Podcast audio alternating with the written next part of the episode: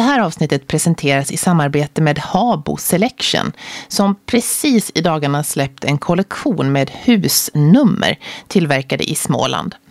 I kollektionen finns två olika typograferingar som möter olika stilar på hus och arkitektur, modern och contemporary. Stanna kvar efter avsnittet så får du höra när jag träffar Göran Söderström som designat den här kollektionen för Habo Selection.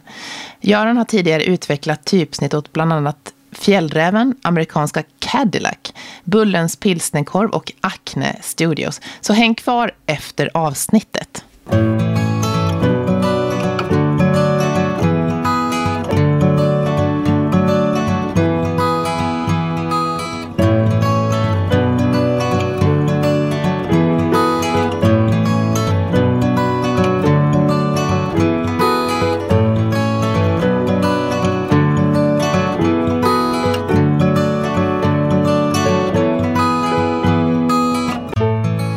Driver Nordens största inredningsblogg, trendenser.se.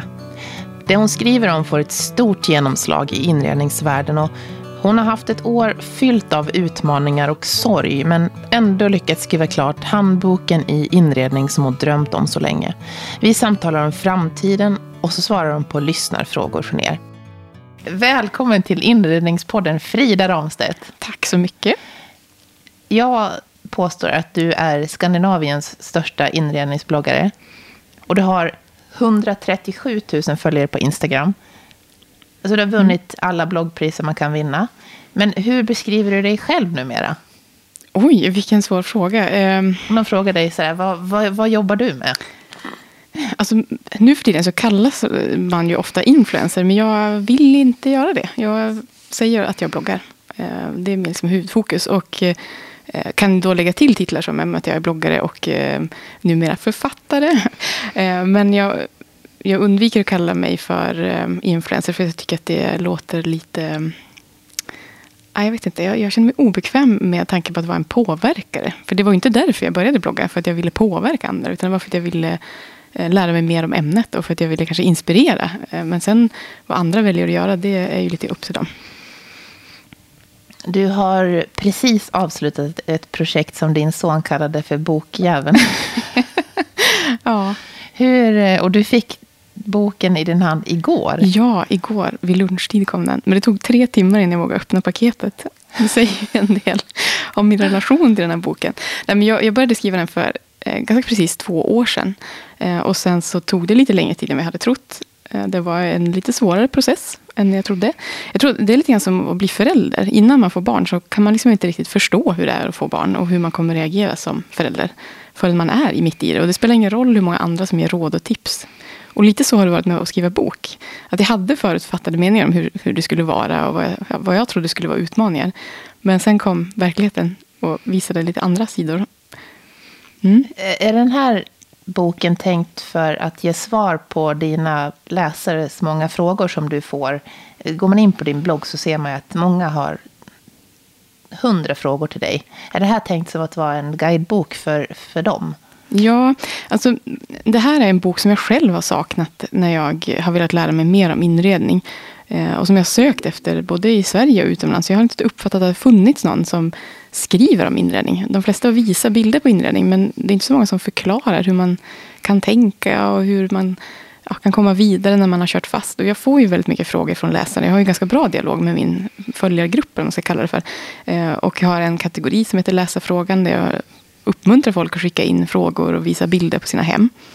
Eh, och där har jag ju också märkt att det är vissa saker som återkommer. Så det måste ju vara att det fattas inspiration på just de temana. Hur inreder man fönster till exempel? Det är jättemånga som frågar om. Eh, och då tänkte jag, men då kanske jag ska göra en sån bok som ger lite mera tips, lite mer handfasta råd. Alltså inte en inspirationsbok, utan mer en handbok. Så det var själva grundtanken. Sen var det inte jättelätt att sälja in den. För jag vill ju då också göra den här boken utan foton. Ja, ja, det är ju ganska udda att i en värld där, du, där vi lever med dessa, dessa flöde av inredningsbild mm. så väljer du att göra någonting helt annat. Ja, men jag tänkte så här, vi ser ju så mycket bilder ändå. Vi har ju Instagram, vi har Pinterest, vi har bloggar. Alltså bara Google. Vi kan ju söka på vad som helst och få massor med bilder och inspiration. Och tittar man i tidningshyllan så finns det ju mängder med inredningstidningar idag och det finns massor med inredningsböcker för olika stilar och sådär. Men de har ju en sak gemensamt och det är att inspirationen är ju uppbyggd på samma sätt. Det handlar om bilder och lite beskrivande text. Att det här rummet är rött och har en röd sammetssoffa som vi sitter i nu. Och så. Det är inte så förklarande utifrån liksom, grundprinciper eller varför har man gjort på det här sättet. Eh, och då kände jag att nej, jag ska inte göra en till sån här bok som är fin. Det finns ju redan jättefina sådana eh, inspirations coffee table books. Utan jag vill göra någonting annat. Eh, och då hade jag börjat testa det här med illustrationer på bloggen. Eh, och prövat mig fram och upplevde att det blev lite lättare att ta till sig när, när det var neutralt. Man låser sig inte med att jag har inte en sån soffa, jag har inte en röd sammetssoffa hemma så jag kan inte ta till mig av det här tipset. Utan man kan tänka lite mer fritt och fylla i luckorna själv.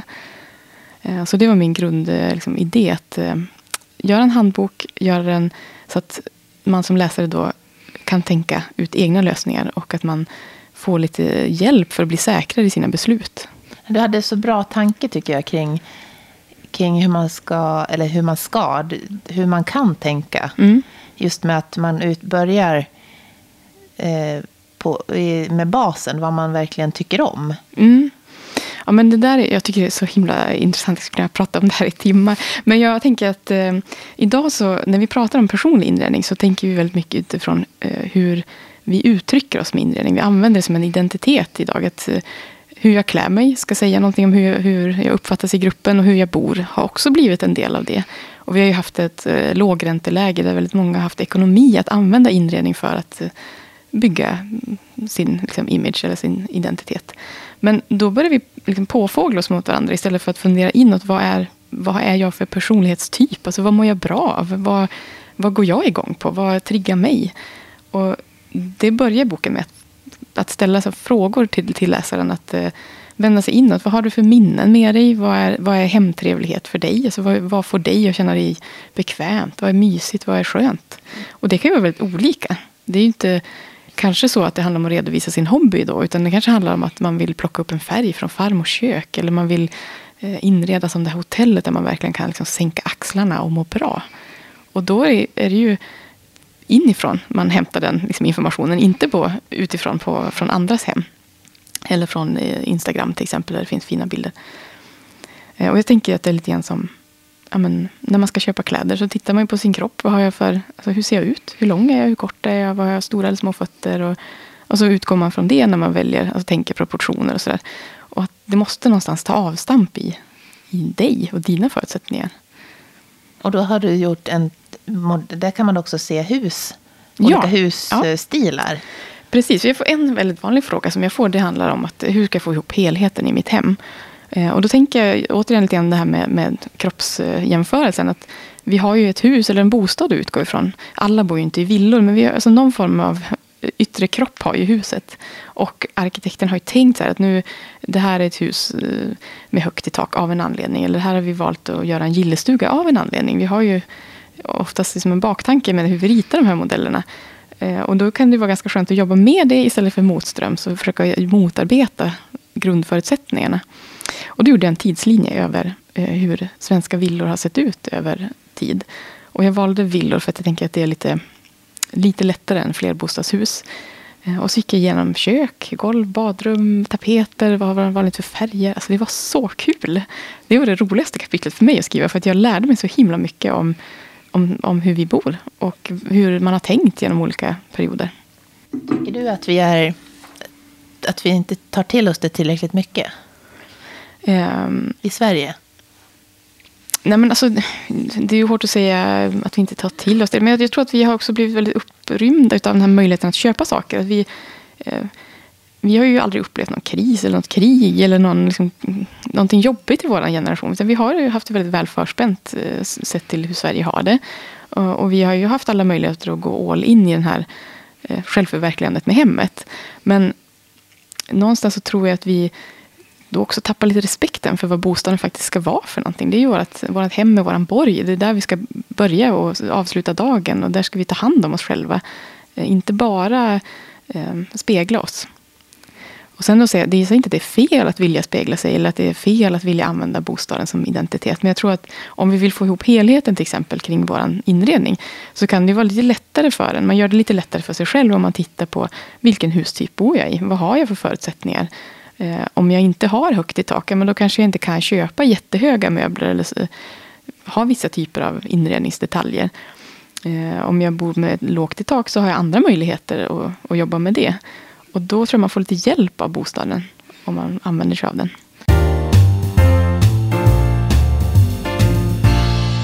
Tycker du att vi är ängsliga i Skandinavien? Alltså, det där är något som oftast används eh, i inredningssammanhang. Och det har blivit en ängslighet i sig, att vara ängslig. Och jag tycker inte om att prata om sånt. För att det handlar inte om om man är modig eller feg eh, om man väljer en, en färg eller en annan. Jag tror det handlar mer om hur man är som person. Jag får ofta höra att jag, men du är så ängslig för att du bara har ljusa färger. Du är inte så färgstarkt hemma hos dig. Kom igen, våga lite mer. Jaha. Och då vill jag bara säga, mm, vänta lite.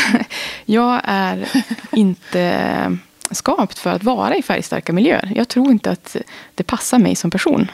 För att jag kan bli stressad av att det är för mycket intryck. Om det är för starka färger så kan jag känna att jag kan inte skärma av. Utan jag ser de här röda lamporna nu som vi har här i rummet. Jag ser de här möblerna.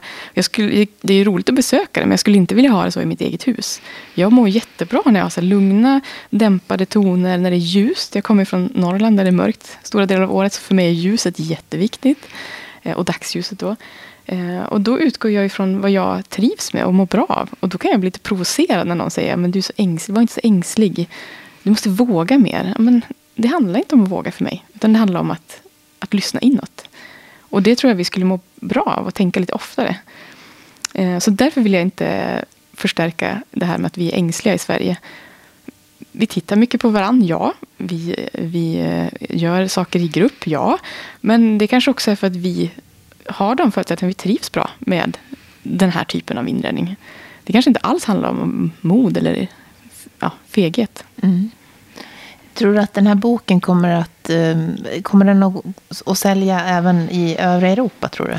Alltså det är min målsättning att den ska översättas och ehm, att vi ska kunna exportera den eh, kunskap som vi sitter på här i Sverige. För det, alltså det är inte mina idéer, det är inte mina mått och sådär som jag har skrivit ner. Alltså, jag har ju samlat ihop all den här samlade kunskapen som många inredare jobbar med och, och använder sig av.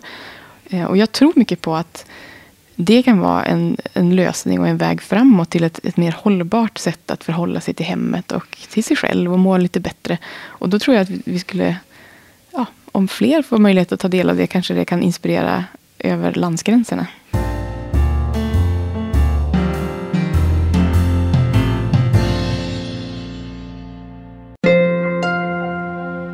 Det finska möbelföretaget Adea tillverkar hållbara kvalitetsmöbler i sin fabrik i Finland. Och det här är ett företag som jag har följt länge.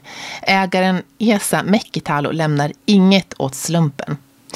Adeas samarbeten med kända formgivare som Alexander Lervik och Brober Ridderstråle har skapat designklassiker som man kan ha i sitt hem under många år.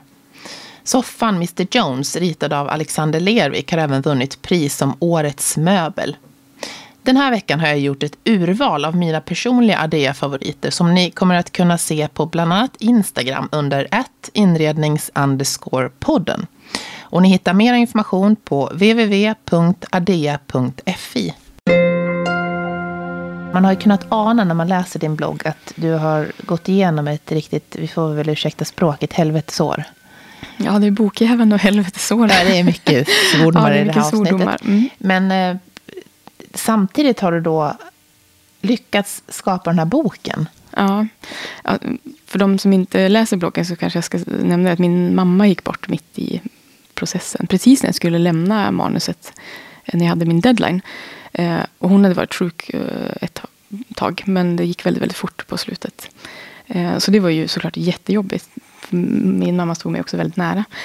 Uh, usch, jag tycker det är jobbigt att prata om det. Men, ja, det, ja, nej, men det, det är ju det... sånt som händer i livet. Alltså man, man går ju igenom tuffa saker. Och det är viktigt att komma ihåg tror jag. När man eh, bemöter och bedömer andra människor som vi gör liksom, hela tiden. Även om vi inte vill erkänna det. Att uh, förstå att alla har ju sina fighter och sådär. Och det är ju sällan att vägen är helt spikrak. Ehm, och för mig så innebar det att jag för första gången någonsin liksom fick ställa in. Jag, jag klarade inte av att leverera boken under de förutsättningar som eh, vi hade bestämt. Så jag fick ringa upp förlaget och, och berätta hur jag kände. Och de var jätteschyssta och ja, förstod såklart eh, situationen. Ehm, så vi, vi förhalade, eller vad säger man, sköt på, upp, eh, på lanseringen. Den skulle ha kommit i september eh, förra året. Men nu blir det mars istället. Eh, och det har ju varit tufft såklart. Att eh, liksom, arbeta med sin sorg och eh, ja, förhålla sig till allt som kommer i kölvattnet av det. Jag menar, rensa, gå igenom mammas saker, att eh, hjälpa pappa sälja huset. Och det är ju det är väldigt uppslitande. Men det har samtidigt varit skönt att ha någonting att skifta fokus från. Så boken har ju också varit en hjälp i det där att, att tänka på något annat en stund. Och jag har fått väldigt mycket eh, kraft i att jag, jag, menar, har känt en alltså, glädje i att jag får göra någonting nytt. Jag, jag har känt lite grann att jag Ja, men, jag tror att mamma skulle vara stolt över det här. Usch, jag börjar gråta när jag tänker på det. Men, ja, det är jag också. Det, ja, men det, det, är väl verkligen en, en, någonting att vara stolt över den här boken. Att du har lyckats göra det som, är, som ja. Eh, någonting du har producerat under den här sorgetiden. Ja, alltså jag började skriva boken när hon fanns. Så vi pratade väldigt mycket om den. Och bland annat det här liksom tidslinjen med eh, årtalen och hur, eh, hur inredningen ser ut. Den har ju bollat jättemycket. Så att, oh, gud, det känns som... Det känns, jag måste bara bryta. Nu är vi tillbaka. Du sa så fint hur din mamma stöttade dig. Ja, men det som var lite speciellt med var att mamma jag menar, man har ju två föräldrar. Min pappa är den liksom företagsamma entreprenören som jag har ärvt det ifrån. Drivet. Mamma var konstnärligt lagd, kunde rita och var liksom väldigt duktig på att skapa miljöer. Eh, och jag kommer ihåg när jag var på anställningsintervju till mitt första jobb. Så kommer jag från civilekonomprogrammet som är en ganska teoretisk utbildning. Jag hade inte någon, lärt mig något om färg och form. Och skulle göra då ett eh, prov i deras showroom. Skulle jag ställa upp och styla. Och då minns jag att jag ringde till mamma och bara Hjälp mig, hur ska jag tänka? Och då eh, så gav hon mig några av de tipsen som faktiskt finns med i boken. Eh, som man jobbar ofta med när man gör såna här saker. Att tänka i ledande linjer, att jobba med trianglar, att använda udda antal. Det är som vedertagna begrepp för inredare. Men det var hon som introducerade dem för mig. Och därför så, så har det såklart väldigt stor betydelse. Eh, och känns lite tråkigt att hon inte fick se slutresultatet av boken. Men hon, hon, har kanske. Sett, hon har ju sett den och visste att den skulle bli väldigt bra. Mm. Men du, hur har det här... Kan du känna att...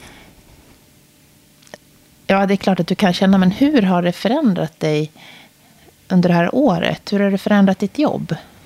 Mm, bokskrivandet eller Nej, jag tänker bloggen av... och ja. det du skriver. Men bloggen är ju inte statisk och det är också en grej som kan vara viktigt att tänka på som läsare. Att Eh, man kanske har vissa förväntningar och förhoppningar om hur det ska vara. Men den som skriver är ju också människor. Man utvecklas och man är med om saker och, man får andra perspektiv. Och det gör ju också att innehållet ändras därefter. Eh, och då kan man uppleva en viss frustration när läsarna skriver att eh, jag är besviken för att du inte gör som du gjorde förr till exempel. Men jag är ju inte samma person som jag var för fem år sedan. Jag har ju också förändrat mig och då måste min blogg få följa med i det. Och det som har påverkat mig när Eh, jag dels förlorade min mamma men också min lilla systers man gick bort i levercancer. Det är att jag har fått en helt annan respekt för livet. Att jag, jag eh, tänker mer på hur jag mår och hur jag vill må och hur jag vill att familjen ska må. Inredning inredningen har gått från att vara just det här liksom lustfyllda showroom-aktiga till att vara någonting mer lite djupare. Att det handlar mer om att skapa stämningar, att skapa en kuliss för mina barns barndomsminnen. Och det har ju påverkat mig mycket. Sen eh, ur ett rent hållbarhetsperspektiv så har det hänt jättemycket med debatten i samhället. Och det är klart att det påverkar mig också. Kanske extra mycket för att man är förälder och man tänker på barnens framtid och sådär. Jag tänkte säga det, du, har, du, du gjorde en läsarundersökning och där skrev några läsare kommentarer som jag tänkte läsa upp. Mm. Det var en som du har delat på din blogg och där står det jag tycker det är så otroligt bra, modigt och inspirerande att du lyft miljöfrågan till en av dina största profilfrågor. Som en av Sveriges största inredningsbloggare sätter du press på branschen. Och sen var det en annan som skrev åsikter, miljö och dylikt i all ära, men bloggen var bättre förr. Ja, Ja, alla får ju tycka som de vill, men det är ganska tydligt att det är två läger. Den ena halvan tycker det är toppen och de uppskattar att jag vågar ta upp de här ganska obekväma frågorna. Det är klart att det påverkar min affär att prata om, om hållbarhet. För det är ju inte alla företag som är hållbara i sin produktion. Vilket gör att annonsörer faller bort och vissa blir griniga och sådär. Men eh, jag känner samtidigt ett ansvar. Jag har ju väldigt många läsare. Då, då känns det ju som att jag förvaltar det genom att också våga lyfta sånt som vi alla är angelägna om. Jag menar, den här gruppen som väljer att blunda för det, de får vi välja, det är ju deras beslut. Men, men vi alla påverkas ju av det. Eftersom jag menar, jorden känner inte av några landsgränser eller vad du eller jag, om det är ditt fel eller mitt fel. Den, den påverkas av hur vi beter oss. Mm. Men är det så att du medvetet nu, att du har tagit den ställningen att du lyfter miljöfrågan mycket mera?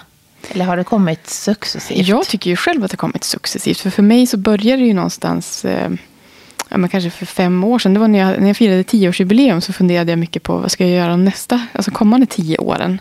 Att eh, dra upp nya riktlinjer och fundera på vad jag vill ja, men vad jag vill jobba med. Liksom man, gör, man är anställd också. Vad, vad har man för framtidsplaner? Vad, vad, har man för tankar med, med vad man vill göra på det företaget? Eh, och då gjorde jag det själv. Eh, och bollade med andra ja, men, kompisar och, och, gamla kollegor i, från reklambranschen. Och då ringade vi in just att eh, att jag har ju ett stort intresse kring miljöfrågan och jag har också ett stort intresse för det här med liksom, kunskapsbiten inom eh, inredning. Att jag redan då upplevde att jag saknade någon som pratade om det. Och då satte vi två nya målsättningar. Det ena var att eh, prata mer om sustainability och sen kunskapshöjande inlägg. Som skulle ge någonting mer än bara, ja, vad fint. Alltså att, att man faktiskt också fick med sig någonting när man läste, läste inlägget. Och det är de två fokusområdena som jag har haft de senaste åren.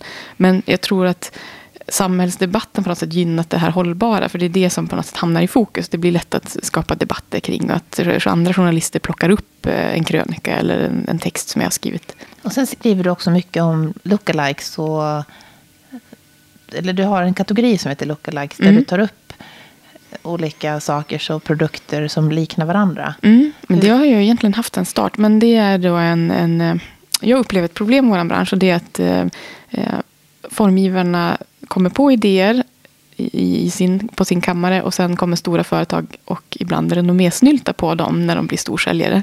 Eh, och då gör man det mer eller mindre medvetet. Det är klart att det kan ske av misstag men ibland ser man att det är ganska tydligt att det här är någon som har tänkt vara väldigt lik daggvasen till exempel. Eh, som Carina Zet Andersson har gjort. Eh, som du intervjuade nyligen. Det är ju ganska tydligt att den har blivit eh, en, en rejäl succé. Och den har fått efterföljare. För innan den så fanns ju inte de här efterföljarna. Utan de har ju kommit och, som en konsekvens av det. Och då har jag på något sätt velat ta ställning och visat upp de här. Men inte göra så som jag upplever att vissa magasin gör när de pratar lyx eller budget. Som jag själv hade i början. Det var liksom så man kallade det. Men jag inser att det är inte frågan om det är lyx eller budget. Utan det är frågan om att de är två li likadana som bär grejer. Eh, och att också visa lite mer om berätta lite grann om originalet. Så vad, vad tror jag att det kommer ifrån? Och vad, vad, finns det att veta om den produkten? Så att man förstår att, att det finns en människa bakom. Som har kämpat med det här och som har eh, jobbat länge för att komma på den här idén kanske.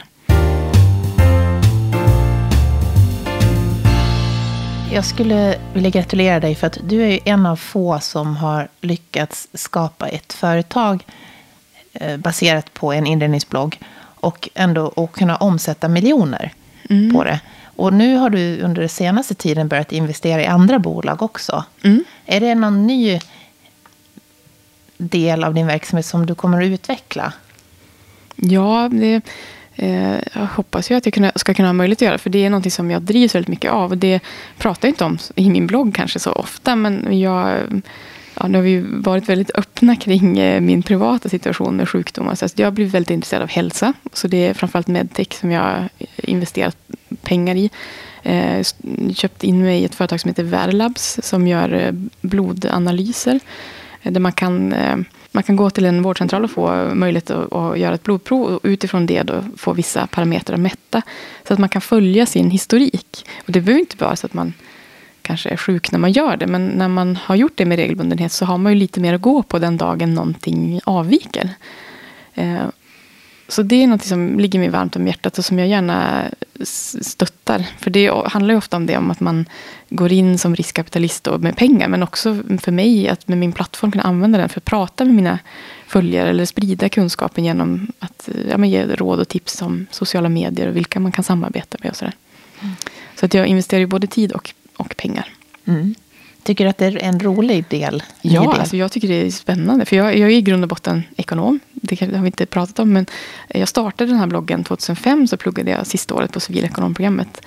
Eh, så jag har ju en annan bakgrund än många andra i den här branschen. Eh, och eh, det är ju fortfarande ett stort intresse för mig också. Alltså hur man driver företag och hur man bygger upp affärsverksamhet.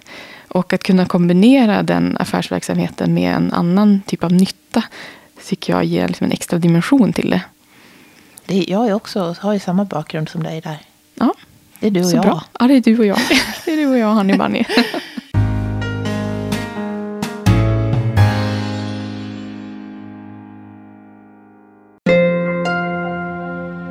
Det här är det 21 avsnittet av Inredningspodden med mig, Johanna Hulander.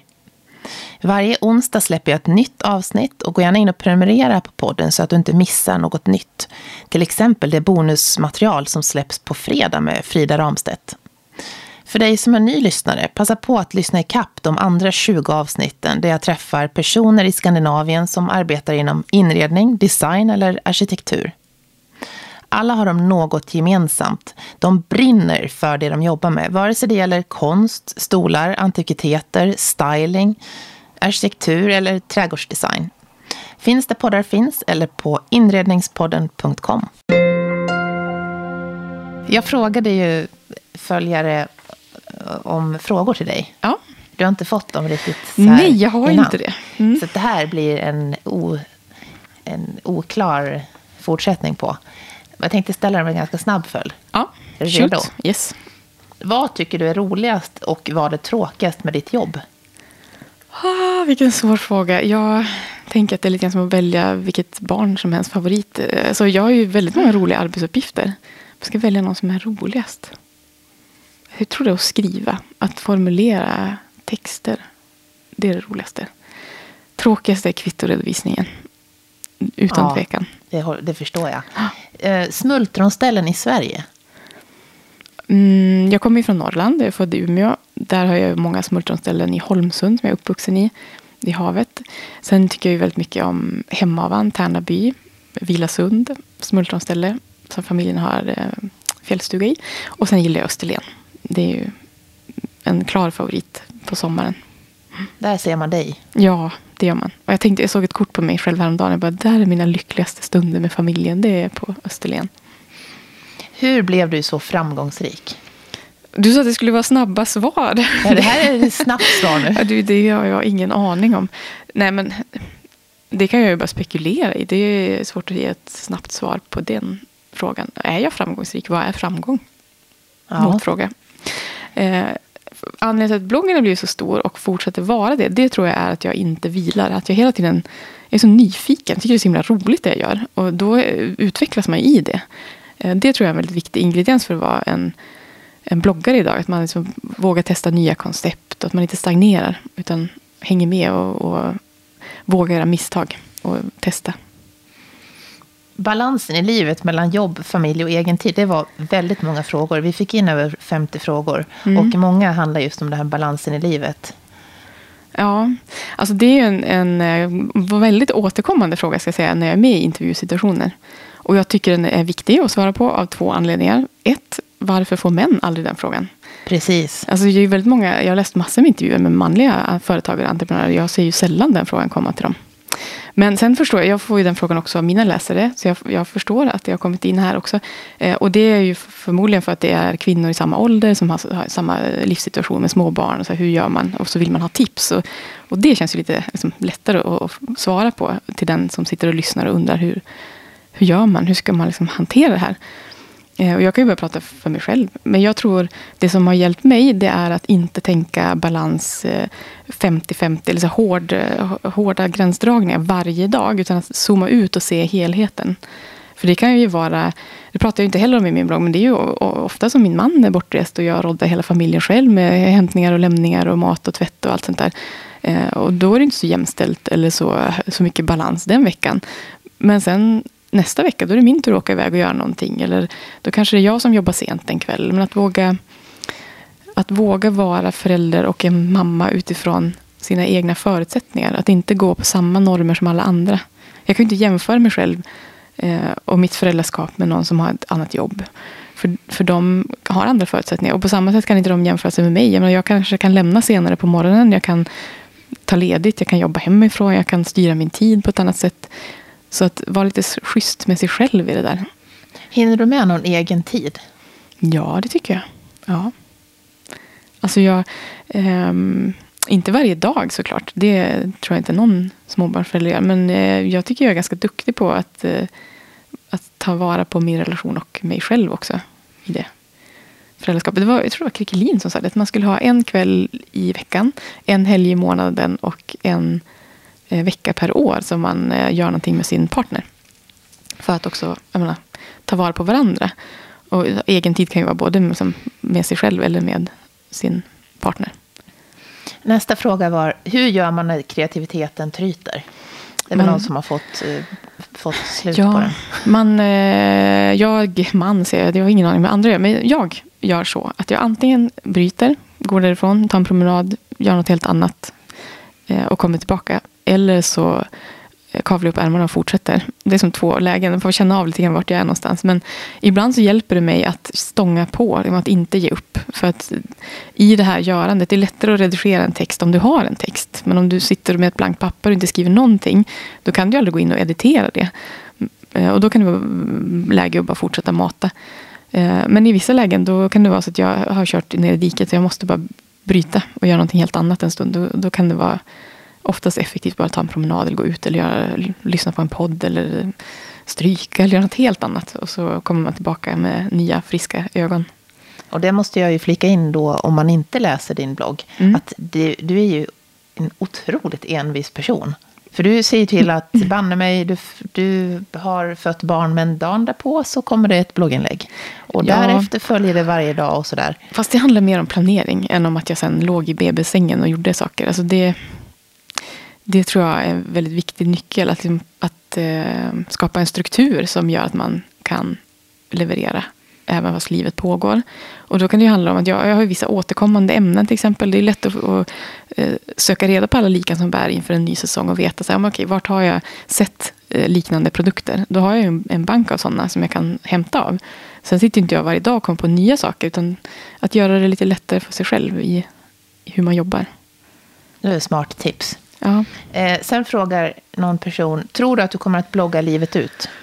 Oj, vilka svåra frågor. Ja, det hoppas jag väl. Alltså jag skulle vilja vara 80 år och tycka att det är jättekul att blogga. Det hade varit fantastiskt. Eh, det är väl mer en fråga om det kommer att vara intressant att läsa bloggar eh, så länge som jag lever. Eh, jag känner inget att det finns något slut på det, men det är väl tillgång och efterfrågan du som har bloggat så länge, följer dina läsare dig från början så att de åldras med dig? Ja, men jag tror det. Jag, märker, jag gör ju eh, regelbundet läsarundersökningar och då ser man ju att åldersgruppen alltså förflyttar sig uppåt. Och det har väl att göra med att de en gång har börjat läsa och sen blir de precis som jag äldre. Ehm, men sen kommer det till nya läsare i båda alltså ytterligheterna. Jag har ju eh, läsare som är 65 plus och jag har läsare som är yngre än 20 också. Men, men majoriteten följer ju mig och min utveckling. Den sista frågan är, vad gör du på fritiden? Oj, vad jag gör på fritiden? Jag, alltså jag pratar inte så mycket om den i min blogg för att eh, den är inte så kopplad till inredning. Alltså jag, jag har ju två barn som jag gör mycket saker med. jag Går på hockeyträningar och lekplatser. Och I helgen var jag på bounce och hoppade studsmatta. Men det passar liksom inte i mitt format att prata om de sakerna. Så jag umgås mycket med mina barn och jag eh, pratar väldigt mycket i telefon med mina kompisar. För de bor på andra orter. Vi hörs varje dag i telefon. Ehm, ja, men sen försöker jag väl ja, koppla av som alla. Kolla på serier på Netflix ibland. Har du någon speciell favorit? Mm, jag har ganska många, men det senaste är eh, faktiskt en spansk serie. Jag, jag trodde inte att jag skulle tycka om att kolla på eh, andra språk. För jag kan tycka att det är svårt att komma in i det. Men eh, Casa de Papel är ett superbra tips om ni gillar så här, lite spännande serier.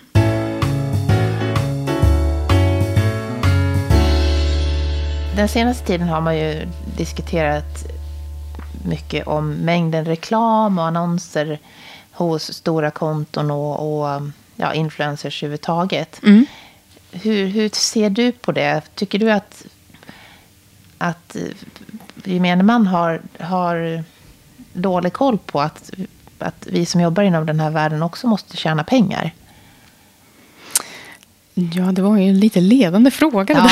Ja, det var lite ledande. Nej, det, det, det, är så hårt att säga att andra inte har koll. Det vill jag inte säga. Men jag skulle vilja säga att jag håller med om kritiken. Jag kan också som, som läsare av andra flöden och bloggar och eh, ja, men, sociala medier, konton, Instagram-poddar också uppleva att det har ökat eh, i takt med eh, alltså, att det blivit mer reklam på slutet. Jag håller med om att det är mer reklam än tidigare. Men jag kan ju se varför. Och jag ser ju att annonsörerna flyttar sig från att köpa traditionella banners och säga, annonser som man gjorde i tidningar. Då köpte man en hel sida eller en halv sida och sådär. Och på bloggar köpte man en banner. Så vill de in i flödet och de vill inte köpa displayannonsering som det kallas för. Utan de vill köpa content. Och då måste man som bloggare plötsligt då öppna upp dörren för att släppa in dem i, i bloggen eller Instagram om man vill få någon form av intäkt. För det är svårt att hitta lönsamhet i sin blogg, för läsarna betalar ju inte för att läsa. Eh, och det där kan man göra med mer eller mindre finess. Det är ju alltid en utmaning att försöka forma kampanjerna så att annonsören går med på de villkor man själv har. Alltså man kan ju ha ganska höga mål med hur man vill att det ska se ut, men de ska också vara beredda att betala för det. Och det är där tror jag man kanske har svårt att förstå. Den kampen som kan uppstå mellan annonsör och eh, publicist. Jag får ofta höra, men jag skulle vilja att du gjorde så här. Eller kan du inte välja de här annonsörerna? Och det är klart att jag jättegärna skulle vilja ha eh, mer hållbara annonsörer till exempel. Men de har ju oftast inte så jättestor budget. De har inte råd att köpa annonsering. De som producerar i Sverige har ganska dåliga marginaler på sina produkter för att det kostar mer att producera i Sverige. Då förstår man ju att det inte finns samma marknadsbudget. Eh, så det är inte så att man bara kan välja och vraka vilka annonsörer man har. Och den problematiken kan jag nog hålla med dig om. Att där, där finns det lite för lite förståelse för att man gör så gott man kan. Och man har liksom inte ont uppsåt. Men det är svårt. Det är klart att vi sköljs över av reklam. Att ja. folk blir reklamtröttare.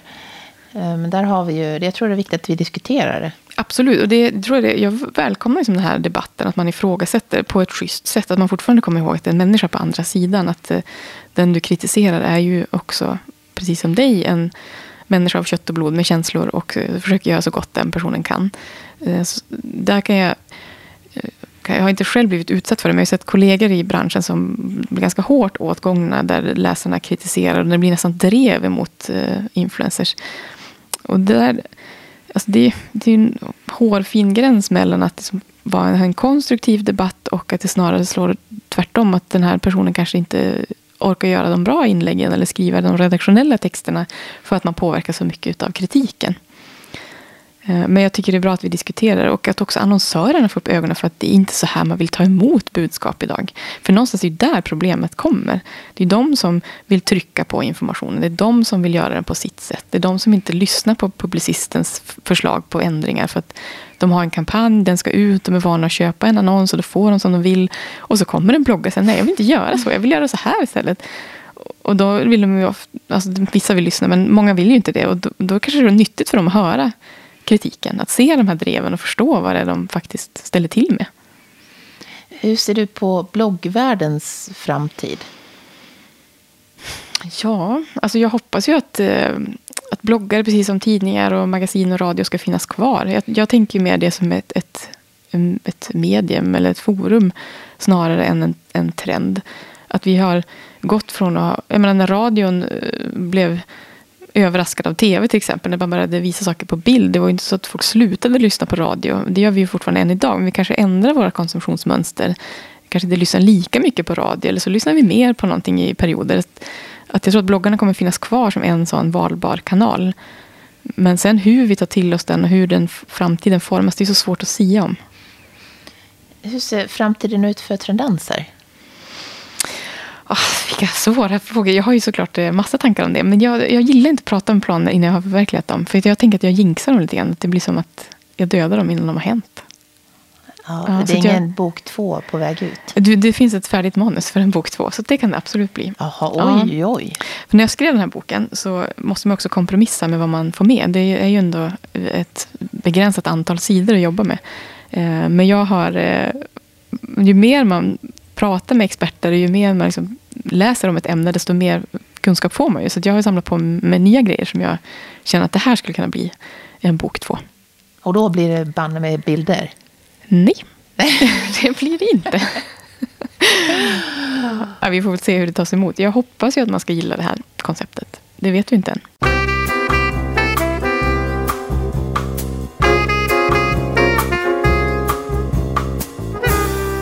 Du har ju valt att göra någonting som är ganska udda genom att skriva en inredningsbok med bara en färg. Ja, och det här är ju någonting som jag själv inte ens hade tänkt mig från början. För när jag tänkte illustration så tänkte jag väl ändå att den kunde vara i fyrfärg. Men eh, så hade vi en dialog, jag och förlaget, och de tyckte att ja, men, ska vi göra det så gör vi det ordentligt. Då kör vi svartvitt. Och, jaha, och hur ska jag skriva om färgkapitlet då? Tänkte ni. Ja, men det löser du. Och så fick jag ju fundera eh, ganska många vänder på det där. Och just färgkapitlet har varit en ganska stor utmaning. För att eh, det är ju dels eh, kantat av, av juridiska snårigheter och terminologi. Det är ju inte alla andra kapitel på samma sätt. Alltså stylingknep kan man ju prata om lite mer fritt. Men färg finns det ju ändå vetenskap bakom. Eh, samtidigt som Eh, vi också har eh, ett företag som äger en, ett färgsystem. Och de äger de juridiska rättigheterna och har patent på det. Så man kan inte skriva om det lite hur som helst. Där, utan man måste, vara ganska, man måste ha tunga rätt i mun. Så det var en utmaning. Och att också skriva om färg för vanliga människor. Om man säger så, inte för andra yrkesinredare. Det är också en utmaning. för att jag frågade runt lite grann bland kompisar. Och, och hur, hur, känner ni till vad en färgcirkel är för någonting? Det var ju väldigt få som, det var nästan ingen som hade koll på vad det var. Och det är något som vi inredare svänger oss med. Att hitta rätt nivå där var en ganska stor utmaning. Eh, och nu, då valde jag att gå tillbaka till grundskolan. Liksom, vad kan man komma ihåg själv? Och hur kan man bygga på den kunskapen? För vi har ju fortfarande Google och internet. Så om jag förklarar en grund så kan man sedan söka vidare på information på de här företagens hemsidor till exempel. Så den kompromisslösningen valde jag. Mm. Sen eh, tyvärr måste jag säga så tjänar man inte så mycket pengar på att skriva en bok idag. Nej, det är nog inte som, alltså man kanske har en felaktig bild av att man, eh, alltså det bokens eh, kostnad går direkt till författaren. Så är det ju inte riktigt. Utan det är många människor som har varit inblandade. Alltså, dels tryckkostnader och papper och val av omslag. och eh, Såklart illustratör, redaktör, korreläsare, min arbetstid, förlagets arbetstid. Det är väldigt många människor som ska vara med och dela på det. Plus återförsäljaren också såklart. Men ändå så, så, så blev det en bok. Ja, men det var ju för att jag saknade just den här typen av bok. Det var nog det som drev mig mer än att det skulle vara något ekonomiskt, eh, alltså, någon succé så sett. Men eh, för mig har det varit en väldigt spännande resa och jag hoppas ju på att bana väg för någonting nytt med den här. Och att kanske hjälpa läsarna av boken så att de inte vill läsa ut boken. Det har varit min målbild. Att när man öppnar boken och börjar bläddra i den så ska man inte klara av att läsa den från perm till perm. Utan man ska bli så inspirerad så man måste lägga den åt sidan och ta, alltså man kan komma på saker att göra. Sådär. Eh, och det hoppas jag. Jag har en så dröm om att jag ska vara på en föreläsning och att det ska komma fram någon och säga så här. Vet du vad, det här hjälpte mig. Tack för det här tipset. Eh, händer det en gång, har jag sagt till min... Eh, jag gick hos en coach när jag skrev den här boken. Så händer det mig en gång, då kommer jag vara nöjd. Då, då håller vi tummarna. Ja, jag håller tummarna att det ska ja. vara någon som känner så. Till sist, eh, jag brukar fråga gästerna om de har någon person som de skulle vilja lyssna på i ett annat avsnitt av podden. Ilse Crawford. Ah. Såklart. Eller Nirvan Richter. Eh, skulle vara jätteintressant. Det finns bara en eh, mig veterligen en eh, inspelning med honom. Och den har jag lyssnat sönder. Så den skulle, han får du gärna träffa. Tack för tipsen. Och hur kommer man i kontakt med dig till sist? Jag finns ju på Instagram eh, på Trendenser. Och sen så finns ju min blogg trendenser.se och där finns alla kontaktuppgifter om man vill mejla eller höra av sig. Eller skriva en kommentar. Och allra sist, grattis och välkommen till klubben. Nej men, tack! Här får jag bubbel. Gud vad trevligt. Nu blir det bubbel. Du firar Jag fyller ju 40 på lördag också. Ja. Men jag tycker vi öppnar den här och skålar tillsammans. Ja, det gör vi. Ja. Tusen tack Frida Ramstedt. Tack så mycket. Jag är ju rädd för champagnekorkar så att jag får hålla för öronen. Är du beredd?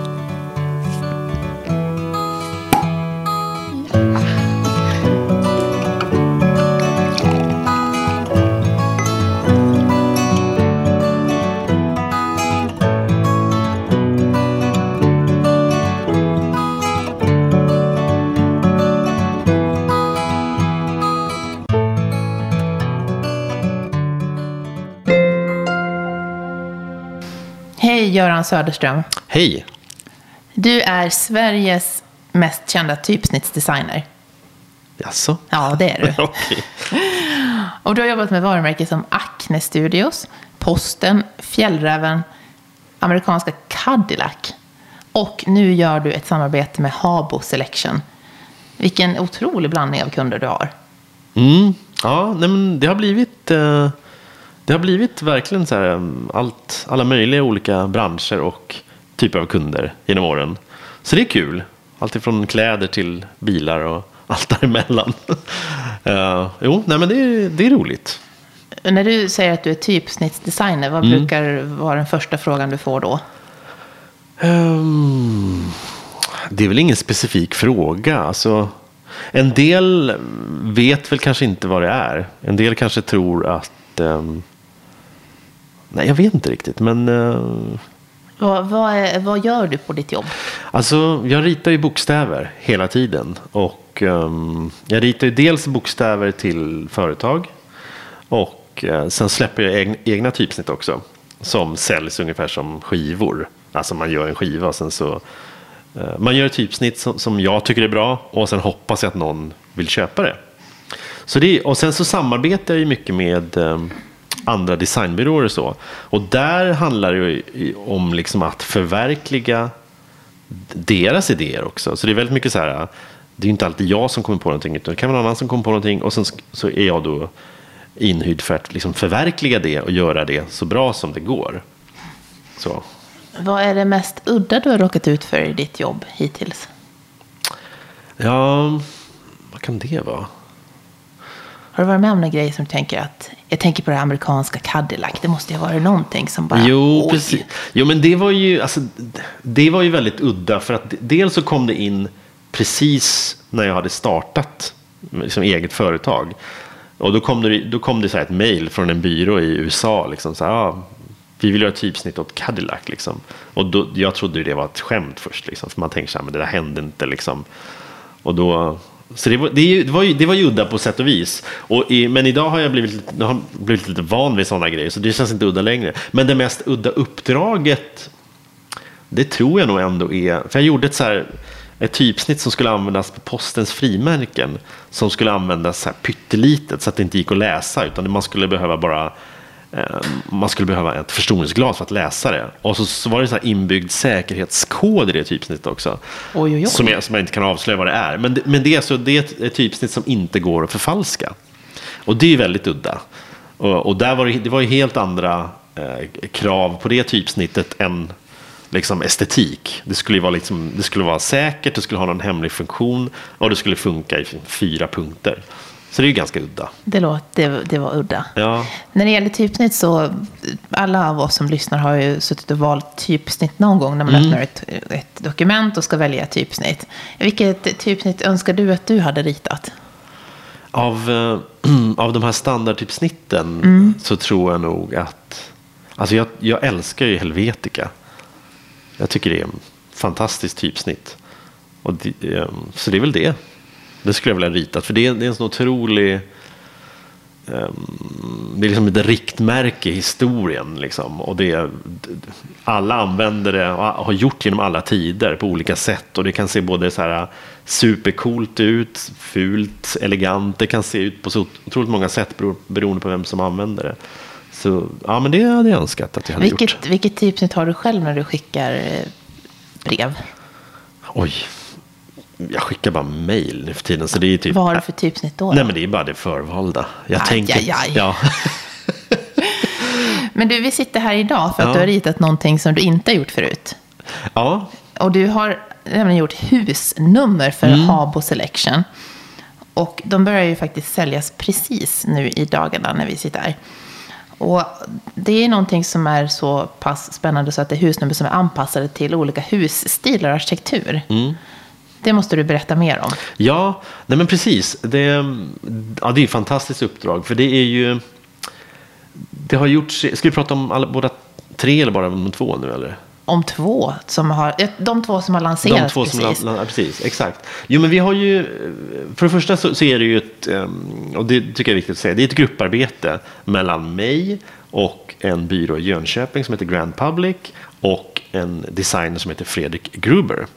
Och eh, det började ju med att ehm, ja, Habo ville göra husnummer. Och sen så har vi spånat ihop tillsammans vad vi skulle göra och kom fram till då ehm, tre hustyper som finns i liksom, Sverige och världen generellt. Ehm, varav då två nu kommer släppas och det är då ja, men den klassiska funkisvillan, och, eller funkishus eh, generellt och ehm, moderna hus liksom, som är contemporary. Så de heter ju modern och det är funkis då, modernism och sen så är det um, contemporary som är för ny, nya liksom, mera framåtblickande hus. Och de här husnumren då är, är då gjorda i en stil så att de ska passa de här husen helt enkelt. Och då är de ju ehm, de är ju ganska klassiska i sin genre men har ändå karaktär liksom för att kunna funka på men, bidra till en viss stil och, men också funka på många olika hus. Så de är inte specialritade för ett hus utan de är ju ganska så breda. Ja. Hur har du gått tillväga? Har du nördat ner dig och gått och tittat på väldigt mycket husnummer innan du... Jo, jo men det, vi, precis. Dels har vi bollat väldigt mycket så här, idéer i, i gruppen tillsammans. Men sen har jag ju studerat liksom, framförallt då funkis, Eh, alltså modern som den kallas då, funkishusen. Det finns väldigt mycket fint på Gärdet till exempel. Så där har jag gått omkring och kikat lite. Och sen så även på mm, eh, Ja, det moderna, jo men det har jag gjort. Alltså inte överdrivet mycket. Det känns som vi har haft en ganska så här eh, klar bild om vad som funkar på de här husen och så har vi försökt förverkliga dem och rita ut dem så bra som det går. Vad har varit utmaningen att jobba med husnummer? Ja, men det som är annorlunda från vad jag normalt gör så är det ju att det är en fysisk produkt. Vilket är fantastiskt kul. Men det är ju också lite annorlunda för att normalt sitter jag och tittar på bokstäver på min skärm. Och så tänker jag att det här ska användas av en grafisk designer för att skriva rubriker och brödtext och liksom för att branda ett företag eller vad som helst. Men de här, ska, de här blir mer som små konstverk i sig. Och dessutom har de ett djup, vilket inte bokstäver på papper har. Så det, och det där djupet ställer ju till det lite, för det påverkar ju hela utseendet. Alltså hur tjock, eller hur, hur, hur djupt är det och hur, hur tjock är, hur bred är bokstaven liksom. Allt det där måste ju sammanspela också. Så det var, där gjorde vi mycket tester så att det skulle hit, kännas bra liksom. Kommer du ha de här husnumren på väggen här nu på ditt kontor? Absolut. Ja. Ja, jag ska... Jag får hit dem idag faktiskt. Så ja, det ska bli jättespännande att se, se alla. Jag har sett några bara hittills, men nu kommer jag få se alla. Men behövs det husnummer som är anpassade efter eh, stil och arkitektur, tycker du? Ja, men jag tycker det. Och framförallt för att det finns så... Alltså, jag tycker att om man, tittar, om man tittar bakåt i tiden så finns det ju otroligt mycket bra. Alltså om man tittar på gamla hus i alla stilar. Så här fantastiska. Men sen är det någon period liksom som ja, men pågår nu och kanske har pågått fram till eller ja, 20-30 år tillbaka i tiden. Då, då, alltså min upplevelse är att ingen har brytt sig om husnumren. Man har, liksom, man har byggt ett hus som har en arkitektur och sen har man tagit, liksom, gått till närmsta lokala skyltmakare eller någonting och bara, ja men ta det där eller vad ni har i lager. Liksom. Och så har det blivit vad det blivit och så är det ingen som har tänkt på det. Och så har man har bara köpt det. Med ganska enkla medel så kan man ju faktiskt göra någonting som är specialanpassat för hus. Och jag menar, det är som så här, om man tänker på, om man är typisk designer, alla som håller på med det skulle ju älska ett sånt uppdrag. Det är ett ganska, så här, det är ganska litet jobb, alltså det går, det går ganska fort att göra. För normalt sett gör man ju typsnitt med liksom tusen tecken. Här är det liksom tio tecken. Så det är ganska så här, um, ja, och det kan göra väldigt mycket för huset tror jag. Mm. Det är ju en liten detalj som, som, man, som alla ser. Ja, verkligen. Ja. Och jag menar nu när man börjar, alltså jag har ju börjat tänka mer på det nu efter, det här uppdraget. Och nu kollar jag alltid på, om man åker förbi så här hus eller villor, så jag kollar alltid hur husnumren ser ut. Och det finns ju väldigt mycket bra, men det finns också någonting, finns ju, jag tycker det finns fler exempel på sånt som är så här helt apart, liksom. det passar inte någonstans ihop med huset. Mm, men nu har man fått två val som man kan välja om man bor i nyproduktion, mm. modernt, och när man bor i mer funkisinspirerade, mm. både lägenheter och hus. Ja, det skulle jag säga. Och sen är det ju förstås fritt fram och liksom, om man tycker att det passar till någonting annat, det är ju också fritt fram. Det, det är ganska så här, siffrorna är ju ganska neutrala i sin form. Och ni har ju tänkt till med de här husnumren genom att göra dem på, en, med, på ett lite speciellt sätt. Ja, precis. Nej, men om, man, om man tittar runt lite på husnummer som, som finns i butikerna idag så är ju någonting som är, som är extremt störande det är ju att man ser skruvhuvudena på dem på framsidan. Och det känns otroligt tråkigt att behöva se dem. Så skruvarna är liksom infällda på baksidan så de syns inte. Och man kan dessutom på vissa, tror jag, man kan reglera avståndet från väggen med hjälp av skruvarna också. Så de kan sitta en bit utifrån väggen eller tätt emot väggen. Och skruvarna är helt dolda. Snyggt. Mm. Hur skulle du sätta, du som har tittat på så himla mycket husnummer nu, hur mm. placerar mm. man dem på bästa sätt? Oj. Under varandra eller efter varandra eller om man har flera? Uh, eller har... sätter man den mitt på fasaden? Eller liksom, hur, finns det någon alltså, placeringsguide för sånt? Det finns det säkert, men jag vet inte om, jag tror inte att jag är så jättebra på det. Men jag skulle, det känns som de ska sitta liksom så lite asymmetriskt tycker jag. Inte så mitt på, centrerat är oftast tråkigt. Liksom. De ska väl sitta lite så här, de ska höra till någonting. Om det är, om det är dörren eller om det är ett, ett hörn eller en knut. Jag, tycker jag, jag tror det. Och jag tror att de, det brukar nog vara så om man tittar på hus också. Men jag tror att de, eh, de går nog att placera lite hur som helst. Men jag skulle nog sätta dem lite asymmetriskt sådär, beroende på hur huset ser ut. Ja, vi får se hur det blir ja. när folk börjar sätta upp de här. Ja, men precis, verkligen. Och den här kollektionen med de här husnumren som du, Göran Söderström, har skapat för Habo Selection, de finns på habo.com. Tack snälla Göran. Tack så mycket.